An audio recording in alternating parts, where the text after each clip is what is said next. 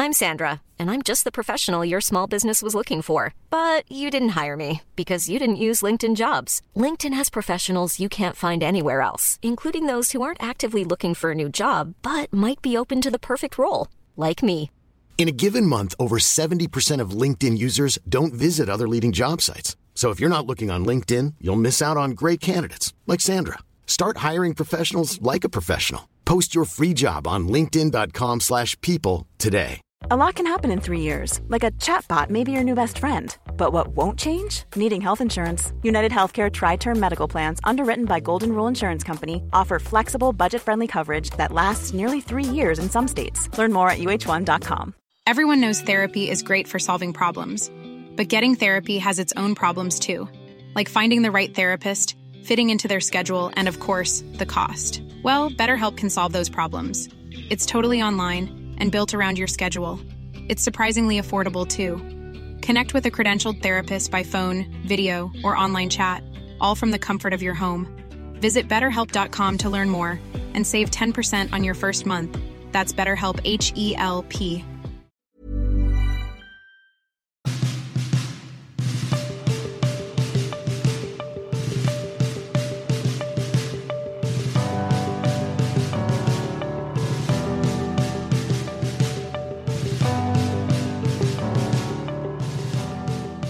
Skulle jag satsat på akademin istället? Um, doktorera hade säkert varit jävligt jobbigt, men ändå kul och då hade man ändå haft det. Ja, borde nog kanske ha läst egentligen lite mer programmering istället. För luddiga, europeiskt samgående. Vad var ens det för kurs? Samtidigt med AI och allt det där så kanske det är helt onödigt att kunna programmera om två år. Vem vet? Det här mejlet jag skickade till samordnaren, var det alldeles för syrligt? Jag ska ju aldrig mejla i affekt, det vet jag ju. Um, nu kanske han hatar mig säkert. Uh, ah, ja, det löser sig nog, kanske. Vem vet? Visst har jag lagt in alla dagar gällande föräldraledigheten. Uh, skulle ju vara tre i veckan på SGI och sen en låg dag i veckan. Men det där har säkert blivit fel. Det kommer bli skitjobbigt att lösa. Kommer vi ens ha råd med det? Så tragiskt att man ens blev en person som behöver bry sig om bolån. Men samtidigt så vi måste ju bo någonstans. Är de klara med den här presentationen snart förresten? Klockan, liksom, klockan är bara halv tio på en måndag. Hur kan jag redan vara stressad över veckan?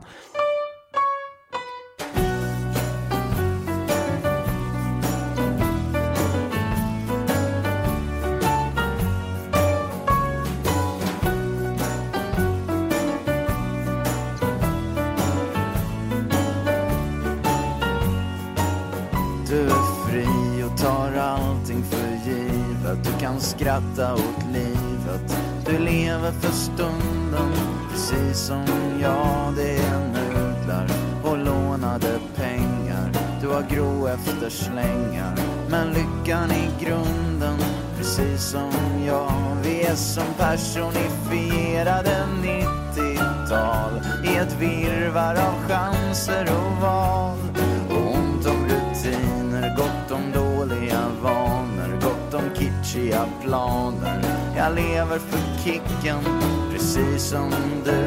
Jag blir oinspirerad och ledsen av kraven och stressen. Jag har frihet i blicken, precis som du. Och här står livet i farstun så nära inpå. Men det är något som gnager ändå. Det kallas tvivel Det där som stör, ja det kallas för en klump i magen och ett konstigt humör Och jag ser hur du tänker på nåt hur du längtar dig bort som en fågel i bur. En obehaglig distans, en konstig känsla någonstans. Det känns tomt, eller hur?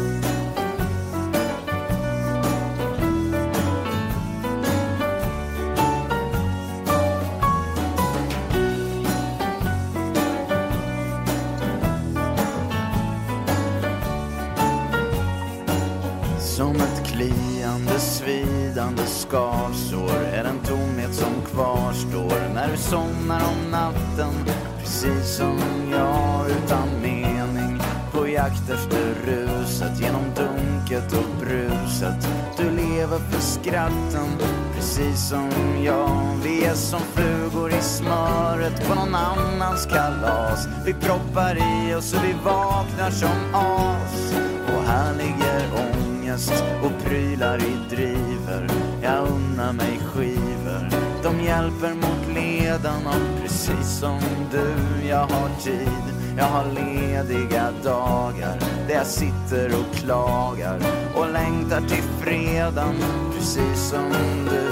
Kan du höra hur det låter i ditt vilsna skratt? Kan du känna hur det gnager i natt? Det kallas tvivel, där som stör, ja det kallas för en klump i magen och ett konstigt humör. Och jag ser hur du tänker på något, hur du längtar dig bort som en fågel i bur.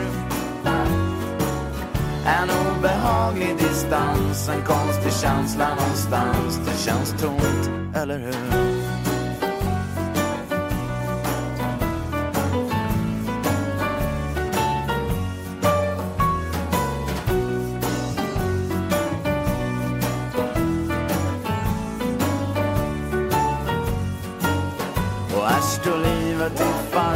Så nära inpå. Men det är något som gnager ändå. Det kallas tvivel. Det där som stör, ja det kallas för en klump i magen och ett konstigt humör. Och jag ser hur du tänker på något.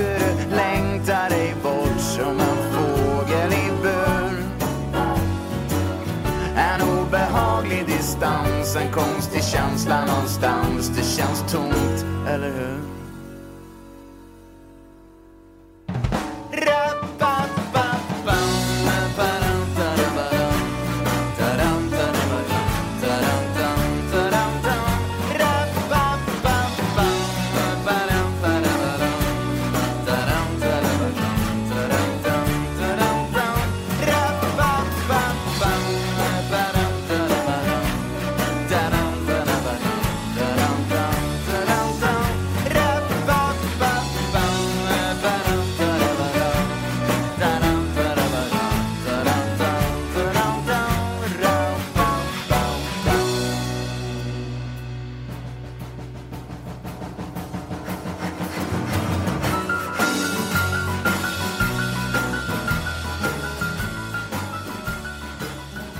Då säger vi välkomna till säsong två, avsnitt två av Lars Winnerbäck-podden.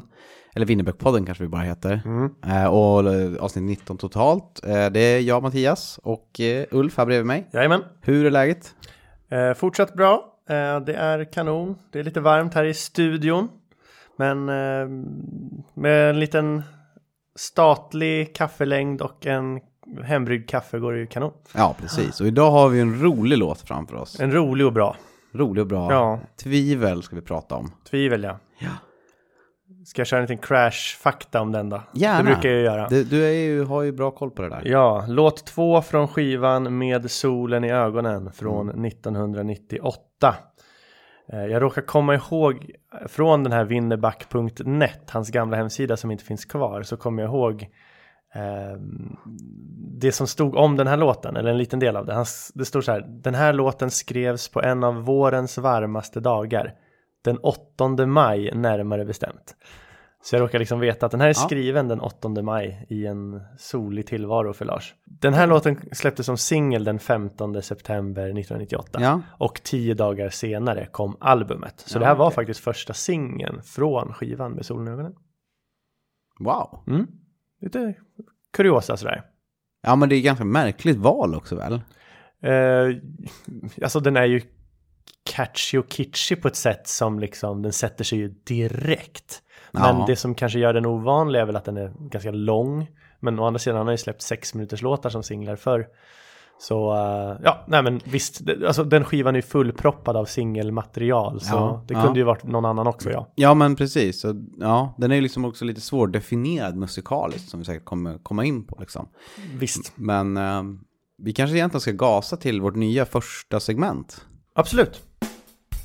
Förklara den här låten för en analfalage. Förklara den här låten för en analfalage. Yes, nu ska jag alltså förklara på högst 45 sekunder vad låten handlar om. Ja. Eller essensen i låten, kan, Vi man kan, säga. det är väl ett bra samlingsord för det. Essensen. Förklara essensen i låten. Essensen i låten. Lars Winnerbäck finns ju i två ytterligheter. Det ena är den civilisationskritiska som vi möter i Neutronstjärnan och den andra är mer Änglar och Demoner inspirerade som finns i inledningen av hans karriär. Men så finns det också de låtarna som sätter fingret på något i civilisationen som inte nödvändigtvis är eh, katastrof eller dåligt men som lik förbannat tar emot. Den här låten handlar om samtidsbeskrivning kring hur det var 20 år på 90-talet. Mycket tid, inga pengar. En bekymmersfri drömtillvaro för många, men en mardröm för unge Lars. Och gud vad man kan känna igen sig där. Tack för det Mattias. Då går jag in på mina 45 sekunder eh, att förklara för en analfalage vad essensen i tvivel är.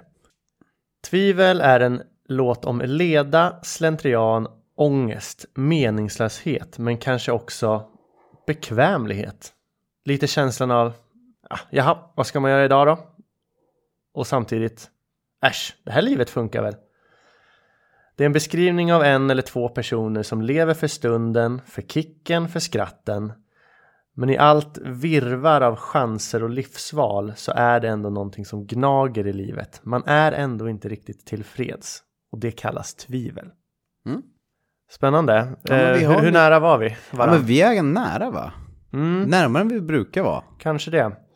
Ehm, jag tänkte på något du sa bara som jag vill kommentera. Jag, jag tycker ju, nu sa du ju för sig att det finns två ytterligheter av Lars. Du sa inte att det bara finns två Lars. Nej. För jag tycker verkligen att det finns liksom den mörkt superdeppiga Daugava Lars. Där liksom Ja, ja, nej, livet var var, lite- mörkt. Det var väldigt förenklat. Men, ja, och så finns det liksom Söndermarken Lars som är, ja men också lite så här, ja men det puttrar på i livet men man kanske liksom ser sig om och vad fasen ska man hitta på nu då? Så här, ja, återigen, det, var bara någonting jag var snappade upp men du var väldigt tydlig med att det inte fanns två Lars utan du, du gick mellan ytterligheterna. Mm. En civilisationskritisk del som sätter fingret på något som inte nödvändigtvis är en katastrof. Mm, det. Det kanske inte har någon, det kanske inte är en problemanalys eller ens en lösning på problemet. Inte ens närheten av det. Man sätter bara fingret på någonting som finns Mm. i samtiden som tar emot. Ja, Alltså och det är så här bondesamhälle, nutid, det har alltid funnits något sånt. ja, och det lyckas han ändå fiska upp på vis. Men jag gillar att du kommenterar just det där att det kanske, till exempel den här låten Tvivel inte handlar om någon ytterlighet. Det är inte sprakande glädje, det är ju väldigt sällan, men det är inte heller en ren misär, utan det är liksom någonstans mitt emellan. Och det tycker väl i och för sig jag är en av Lars mest klassiska tillstånd. Det är väl just det där tisdag i oktober. Det är liksom inte ett brinnande helvete, men det är lite gnagigt och trist och slentrian och vemod så. Och det, det, den här låten virrar ju av det också. Verkligen. Så, så jag tycker liksom, det, det här är en ganska representativ låt ändå temamässigt för Lars. Sen är det ju en ganska unik låt i sound och sådär. Men, men det är ju inte helt ovanligt tema när det liksom snuddar vid det här mittemellanlandet. Nej, men jag tycker den här ändå sticker ut lite grann i, okej, ja men det finns absolut Söndermarken och låtar som är åt det hållet som är mer samtidskommenterande och eh, verkligen sätter ord på någon typ av vemod som finns utan att någonting är direkt fel eller dåligt i samhället utan det bara är så, alltså oavsett tid och plats. Men jag tycker den här gör det väldigt, väldigt tydligt. Det känns ju som en eh, rusningstrafiklåt, för den påminner ju om soundet på den skivan. De är ju nära varandra i tid. Ja, de är år nära i varandra bara. tid, men den har ju ändå en mer... Den har en annan kritik inbyggd. Mm. Den här är liksom inte så värderande. Det är inte så att, det är inte så att samhället har misslyckats här och därför, därför har man det här tvivlet som människa. Utan det här föreställer jag mig har, har liksom funnits i alla tider hos en viss typ av eh, människor. Mm. Alltså det här tvivlet att eh, oavsett var jag befinner mig så kommer jag känna det här. Ja. Eh, oavsett hur väl eller hur dåligt samhället tar hand om mig så kommer jag ändå alltid ha den här typen av grubblerier. För jag är sån perso- som person. Och om man är sån som person, då slår den här an en väldigt stark ton hos en. För att det är skönt att höra att någon annan som har den här typen av grubblerier också så att säga. Just det, den är grubblig och det är skönt att höra det när man liksom själv är lagd åt det hållet. För det är ju definitivt jag också. Men som du säger, den pekar ju inte fingret på något, något fenomen i samhället som är galet, utan det är bara ett tillstånd hos en person. Ja men precis, och, man kan ju ofta typ se, ja men någon som lägger ut, eh, det finns väl någon sån här trend på Instagram nu att man lägger ut så här, så, som du var när du var 21. Jag vet inte. Det är någon- Jäklar den- vad det har varit mycket på sista tiden. Ja, mardröm. Men i alla fall, folk gör ju det och många har man ju sett skriver också typ så här, ja men här, jag hade inga pengar, men eh, vi levde, jag hade inga bekymmer ändå typ. Eller liksom, eh, här var livet, det var liksom upp och ner, det var ingen, ja du vet. Alltså folk hade Ja. liksom lite kaotiskt men det var ändå en väldigt lycklig tid i livet. Och här är ju Lars typ 23, han är i början av 20-årsåldern, Stockholm. Eh, liksom relativt nyinflyttad, Ja. ändå så här kind of rockstjärna fast liksom strugglar på med, med pengar. Man skulle ju kunna se det som en väldigt bekymmersfri period i livet. Har Ja. inte så mycket åtaganden. Okej, det är lite dåligt med cash, men Mm. så här, vem har inte det i ungdomen? Och, men ändå liksom så är det. Alltså, gott om dåliga vanor, men eh, vad är det han säger, dåliga... Gott om kitschiga planer. Jag lever för kicken precis Ja, du. ja, ja, men det är ju jättekul. Men det är Mm. liksom, det är ju inte bara positivt. Nej. Eh, och det är ju verkligen, ja men det är lite roligt att han, att han hamnar där Mm. eh, ändå. Men tror du inte att Lars, även om han skulle uppleva, alltså klart han har några glada låtar så, men skulle han uppleva ett jätteglädjerus så skulle han ju ändå hitta låtar i typ så här, snart kommer jag må dåligt eller det här är bara för stunden. Så han, det känns som att han skulle leta sig fram till ett vemod även i lyckliga stunder, även så att skriva låtar om, tänker Ja, ja. jag. Eh, Men, men den här låten, ja men du är inne på något intressant där, jag skrev det också så här lite när jag tänkte på vad vi ska prata om. Blir man någonsin kvitt det här tvivlet? Alltså oavsett vad man uppnår, alltså det kan ju vara materiellt välstånd eller kärlek som man verkligen tycker är fulländad. Men blir man någonsin kvitt tvivlet och det som liksom gnager? Jag själv känner mig som en person som alltid har lite beslutsångest inför att välja en sak som också innebär att jag måste tacka nej till något annat. Går jag in i det här förhållandet så måste jag tacka nej till de möjligheterna jag har som singel. Väljer jag att åka på den här resan så måste jag kanske tacka nej till det. Alltså, den, alltså, det kanske inte låter som eh, livsexistens, livs, livsexistentiella val men det är ändå som att det alltid finns en ångest kring val för mig till exempel. Det är väl det som i nationalekonomin kallas alternativkostnad. Exakt. Eh, och att det är inte alla som alltid är medvetna om dem. Eh, det är väl liksom ett tecken på att man är analytisk men också ångestdriven, att man har den hela tiden. Och att man kanske, man kanske ständigt också irrationellt nog övervärderar alternativkostnaderna. Man skattar dem lite högre än vad de egentligen är. Det kan ju driva fram den här typen. Och jag, jag är nog ganska lik dig i det här. Men jag har nog ändå, jag har funderat på det här en hel del. Jag har ritat lite grann. Eh, och jag tänker att det finns nog ändå lägen som jag ser där man kan, där tvivlet kan vara lite lägre.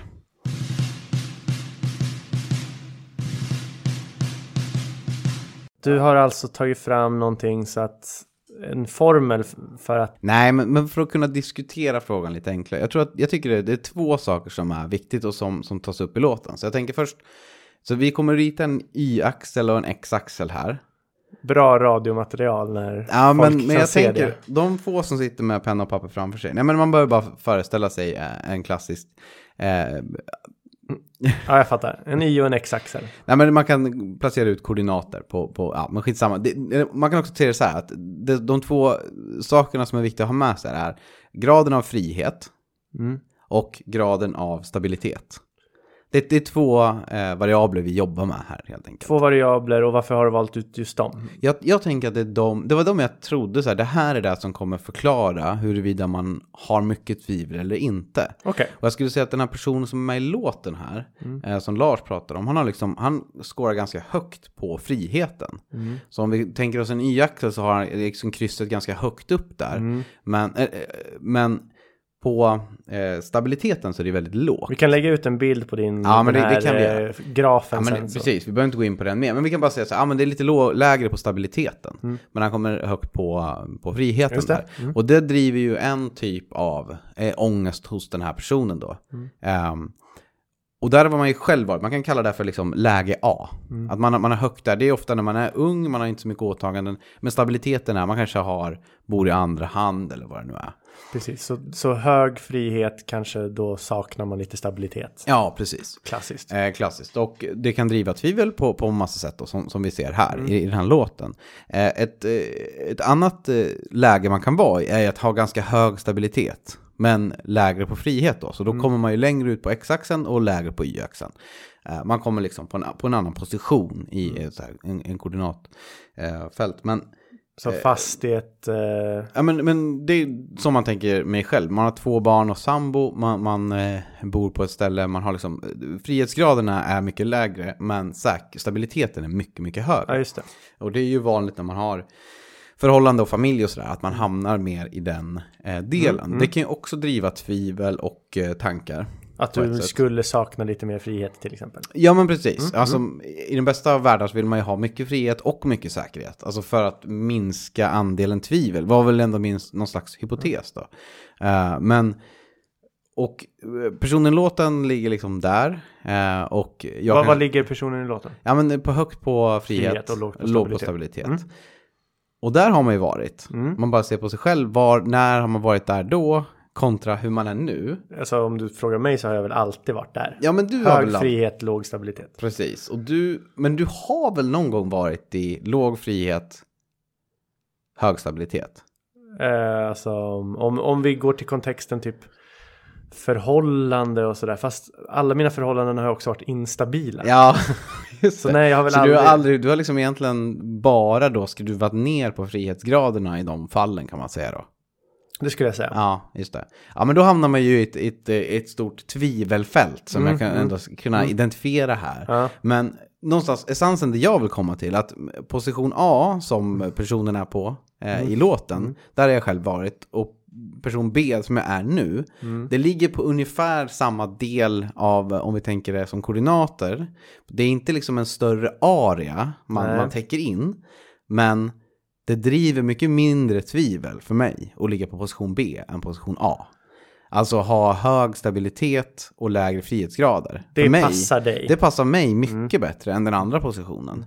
Eh, och det är det här jag tänker att det kanske inte är liksom kombinationen så mycket frihet, så mycket stabilitet som möjligt. Utan det kanske är snarare hur man som personlighetstyp klarar av olika stage, alltså olika delar av livet. Ja. Och det är där tvivel. Så, det, så att, ja, jag vet inte. Den här personen i låten kanske liksom ser en, har en framtid med mycket lägre frihetsgrader. Han verkar ändå uppskatta frihetsgraderna här. Liksom. Han har livet, livet står i farstun.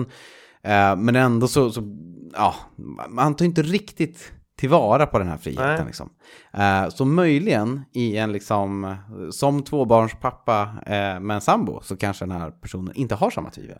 Nej, så kan det vara. Ehm, och, och nu har ju du valt ut de här parametrarna frihet och stabilitet. Alltså låt oss kalla det att du har valt ut dem godtyckligt. Det kan ju vara Ja. andra saker som sår tvivel. Men om du utgår från låten där friheten verkar vara på ett visst sätt men, men man vet kanske inte riktigt vad man ska ta för val i livet som man faktiskt sjunger. Ja men då är väl det två bra parametrar att utgå ifrån när man gör en liten analys. Så jag gillar ju det.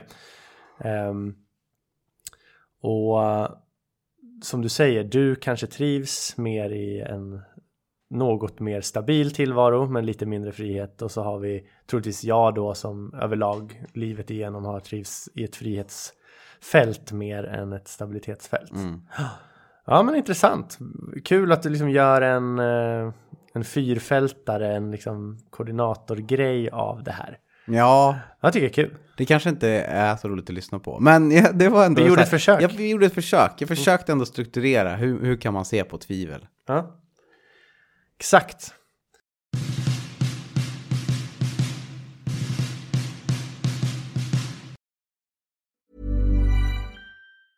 When you're ready to pop the question, the last thing you want to do is second guess the ring. At Bluenile.com, you can design a one of a kind ring with the ease and convenience of shopping online. Choose your diamond and setting. When you find the one, you'll get it delivered right to your door. Go to Bluenile.com and use promo code LISTEN to get $50 off your purchase of $500 or more. That's code LISTEN at Bluenile.com for $50 off your purchase. Bluenile.com code LISTEN. I'm Sandra, and I'm just the professional your small business was looking for. But you didn't hire me because you didn't use LinkedIn jobs. LinkedIn has professionals you can't find anywhere else, including those who aren't actively looking for a new job but might be open to the perfect role, like me. In a given month, over 70% of LinkedIn users don't visit other leading job sites. So if you're not looking on LinkedIn, you'll miss out on great candidates like Sandra. Start hiring professionals like a professional. Post your free job on linkedin.com/people today.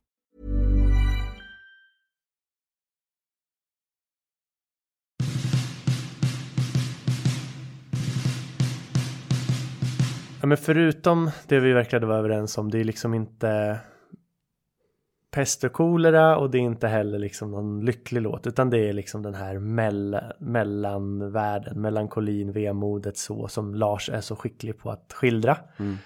Eh, och, och tvivlet som eh, livet kan erbjuda en i ett visst skede av livet just när man liksom inte riktigt vet vad man vill eller vad man ska göra, vad ska, hur ska man ta tag i livet och så vidare.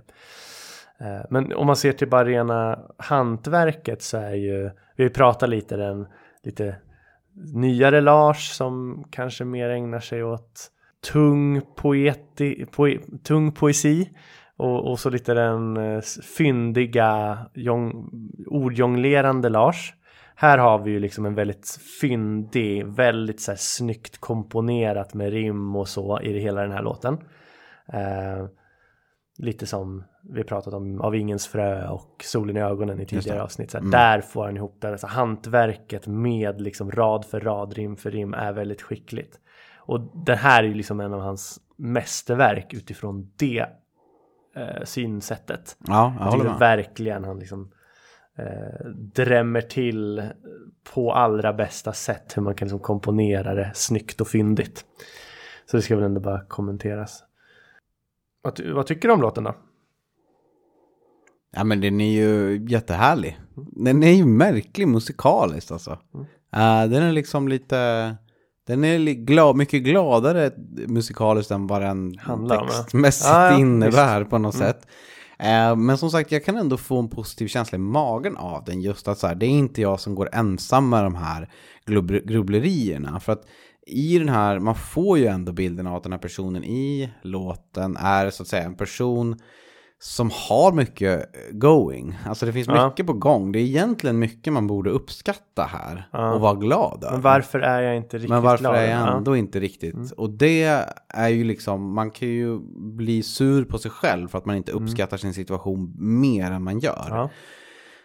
Eller liksom sådär. Och då, ja man kan få lite, det kan vara lite skönt att, känna att någon annan också har tänkt likadant. Och det är en ganska mänsklig sak att faktiskt känna. Eh, så det gillar man ju. Så ja, men det är ju, jag gillar låten. Det, det är som du säger, den är skojig. Ja men den är ju sjukt bra och det är ju som du säger, den har ju en trevlig ton också och liksom att den bara avslutar med rap-bam. Alltså det, det är väl lite ett sätt att säga bara, ja här, här rullar livet på. Ja, det här, det är liksom lite- Same shit different day. Alltså typ, det är ju typ det det här rap-bam säger. Ja. Men det är inte liksom skitdåligt. Det är bara Nej. lite så här, ja, vet fan. Ja. ja, men man hoppar ner och så bara, så här är det att vara 20, bo i Stockholm utan att ha pengar på 90-talet. Ja, jag vet inte. Och för mig var den är den ganska speciell. Det var inte en av de första första jag lyssnade på så, men när jag väl blev ett hardcore Lars Winnerbäck-fan och jag hade min flickvän då Johanna från Grebo utanför Linköping.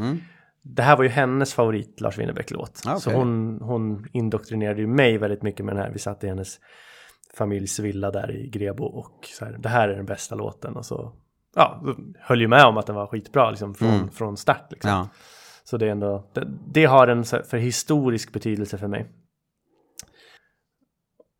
Jag kollade upp också vilka som medverkar på skivan. Jag kollade upp liksom musiker och sådär. Vi, vi brukar ju vara lite dåliga på att nämna det. Här är ju liksom, han, han samarbetar ju här med Jens Back lite typ första gången. Och liksom det börjar bildas lite Ide Schultz är med, Stefan Sundström, legenden är med. För folk som inte kan musik så är han mest känd som kanske musikläraren i Eva och Adam. Men alltså han är ju en stor musiker. Jo, men legenden, herregud. Ja, men han är väl legend. Han är väl superlegend. Ja, Ja, okej. ja, nåväl. Så gillar jag så här, man, man, jag läser lite så här vilka som medverkar på skivan. Det är så här, ja. Ja. men Mattias Nyberg, cello. Ide Schultz kör, Stefan Sundström munspel, eh, P.O. Andersson fiol och så står det så här Mike skrammel. Ja. Det tycker jag är kul. Är det det? Liksom... Ja men det är inte just den här låten kanske. Men Nej okej, skivan. skrammel på Ja. skivan. Ah, Okej, ja men Så jag det vet inte, någon form av låt har väl skrammel. Äras den som äras bör, tänker Och jag. Lasse Bax på bas. Ja, nej men, eh, häftigt. Jag, jag tänkte på, alltså när, när jag försökte komma på ytterligare konnotationer till den här låten så var det svårt att eh, värja sig för att det precis eh, har gått en dokumentär om Killinggänget på tv. Ja den har jag sett. Och Eh. jag har bara sett första delen i och för sig, men det är också så här, det, det, det är samma, det skrivs ju i exakt samma tid. Eh, samma känsla, det känns som de också är typ 20 och har inte, de kanske har mer pengar men i alla fall, det, det är samma Stockholm de betraktar och skriver om. Det är så, där som Lars liksom drivs eh, till, olycka av då, om man ska tro låten.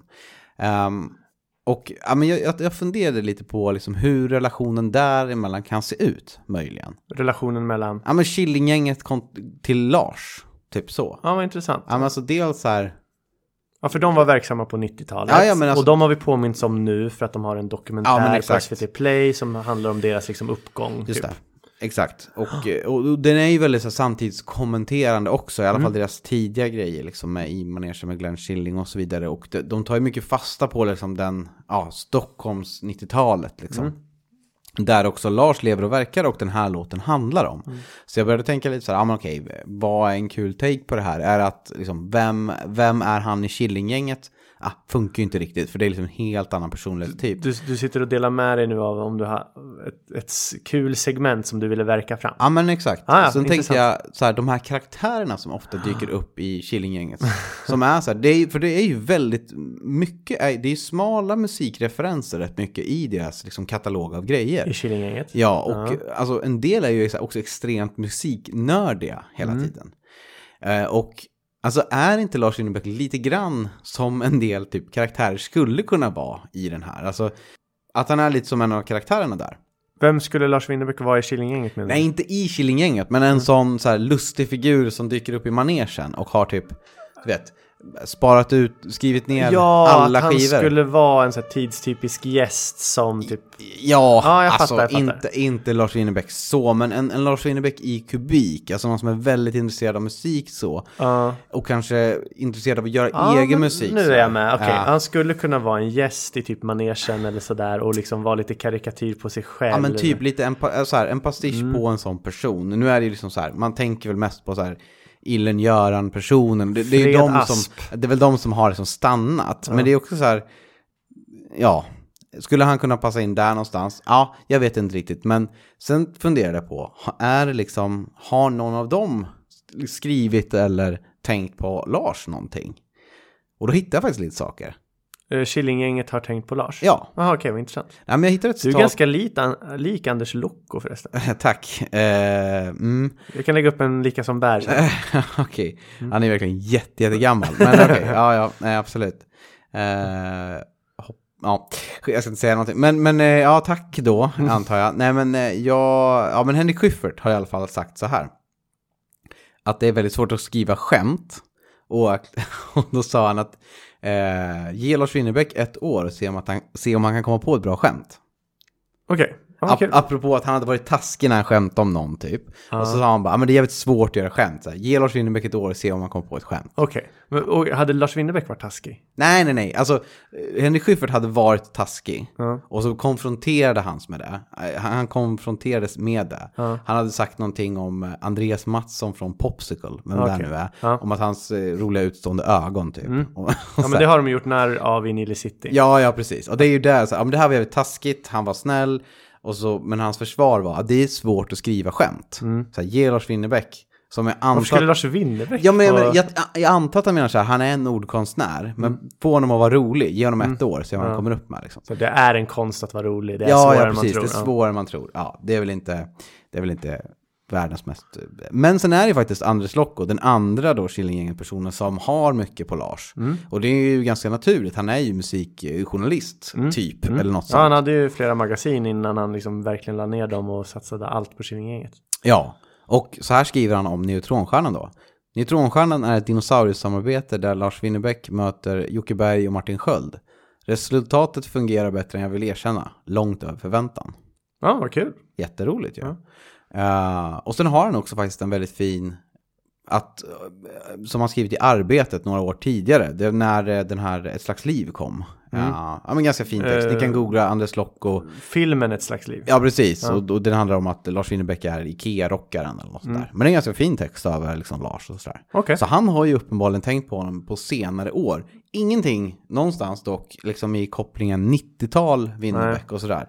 För jag antar att de rör sig i helt olika sfärer och att musiken han gjorde var alldeles för töntig för det som de... Kanske... Tänker mig, eftersom de var mycket Nu gissar mer... vi. Ja, jag gissar det, mm. men jag tror ändå, man tänker att det är så här cool britpop och sånt som var deras grej. Mm. Uh, att han kanske, den musiken han gjorde på den tiden är väldigt långt ifrån vad de tyckte var ballt. Ja, liksom. eventuellt. Men det är, en, det är en gissning. Ja, men det var roliga, det tog oss iväg på en lång uh, detour här. Långt men... från tvivel möjligen, men långt i alla från fall. Tvivel, men ändå intressant för att som du säger, den här kom 98, det var en tid som styrdes av ironi där Killinggänget liksom var kungarna.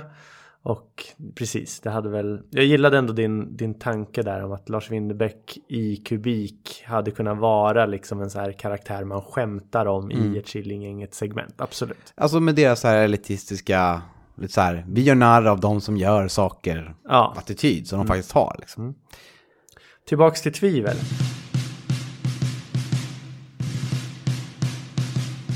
Nudlar. Ja. Mm. Det sjunger han ju om här. Och det är väl den enda gången han nämner nudlar. Jag tror inte liksom han sjunger det eh, supermycket i någon annan låt. Ja, det är nudlar och lånade pengar. Och jag tänkte att de enda gångerna jag hört nudlar i låtar är typ i den här och i Magnus Ugglas Kung för en dag. Mm. Käka nudlar ifrån Tokyo. Och de är också rätt samtida. Så jag tänker nudlar kom ju, alltså jag fattar att det har funnits längre, men så här, det populariserades väl där mitten, slutet av 90-talet. Eh, och när jag tänker på nudlar det känns som att man kan aldrig bestämma klasstillhörighet lika tydligt som när det kommer till nudlar eller ramen. Beroende på, vad man säger. Ja, ja, ja. Vi är så tydligt en klasstillhörighet, du och jag. Vi säger nudlar. Vi är arbetare. Ja, men, alltså, ja, nej, men, vi säger nudlar. Ja, ja. typ.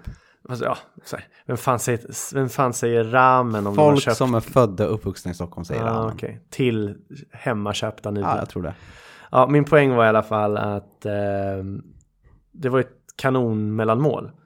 Och ja. min, eftersom jag då här, eftersom det är så unikt att sjunga om nudlar så tänkte jag ju alltid, tänker jag alltid på min favoritnudelstund var ju att efter högstadieskolan var över eller gymnasiet i vissa fall var hemma hos din pappa. Eh, vi hade också nudlar hemma men vi hade de här lite dyrare Nissin mm. medan hemma hos Per Fågelgren så serverades det alltid Eldorados. Också liksom med lite motvilligt erkände man ju efter ett tag att det var ju Eldorados och framförallt Eldorados fläsknudlar som var de godaste jävla nudlarna som gjorts. Mm. Och det är vi eniga om väl? Ja, ja men absolut. Alltså, de vi var, satt de ju var åt speciella. Och det gick hem i hela vår kompiskrets. Och det var just Eldorado fläsknudlar som liksom blev allas favorit. Drick, äta det och dricka liksom ett glas mjölk till. Det var, det, det är en sån jävla nostalgisk prägel på hela det minnet att jag bara måste nämna det. Och som lite kul kuriosa kan jag säga att de slutade ju med just det här receptet. De bytte ju typ förpackning ah, ja. och recept sen. Alltså typ så 2000 10. Alltså mm. de har mm. inte funnits på evigheter. Och jag har ju mejlat Axfood som då äger Eldorado varumärket. Alltså två, tre gånger och bara frågat om de inte har några batchar kvar av de gamla Eldorado-nudlarna. Just det. Eh, som jag, liksom, jag kan köpa dem, eller så här, släng dem inte om de finns där, skicka dem till mig. Ja. ja men de har skrivit att de inte finns. Nej, nej. Men det, jag tycker, vad det, synd. Ja, verkligen. Jag tänker det hade också kunnat vara en eh, karaktär i manege med Glenn Killing. Någon som brinner för Eldorados fläsknudlar och ja. driver det till vansinne. Men ja, nej absolut. Det är synd att de inte är med oss längre. Ja, för det har ju inte alltså det finns ju nudlar nu. Ibland äter jag nudlar till mellanmål för jag tycker det fortfarande är gott. Jag eh, kallar det nudlar när jag äter nudlar hemma. När jag går ut och äter ramen säger jag ramen. Men mm. det har ju inte gjorts några godare hemmanudlar sen eldorado fläsk. Nej. Nej, nu när du säger det. Men jag tänkte så här, det kanske är lite you had to be there-känsla med dem också. Att, eh, Mm. ja. Ja, det är lite svårt att förmedla hur fantastiska de var. Men nu vet alla att Eldorados fläsknudlar mitten av 00-talet var enormt bra. Mm. Enormt goda. Var det någon som har det receptet så borde man väl höra av sig till dig, antar jag. Jävligt salta var de. jag tror det var det, att de, de tog i liksom. De smakar så jävla Ja. salt. Sen ska man väl nämna att det här är ju en låt som Lars Winnerbäck har presterat live och framfört live tillsammans med Lisa Ekdahl. Om du kommer ihåg den här klassiska Live i Linköping DVDn. Ja, just det. Den första liksom Ja, innan man hade varit på Lars så hade man typ sett lite Live i Linköping Ja. DVD. Där sjunger ju Lisa Ekdahl Tvivel och Kom änglar med honom. Just det. Men när du säger det, ja. Mm. Så det tycker jag så här. Det, det är väl lite legacy att nämna.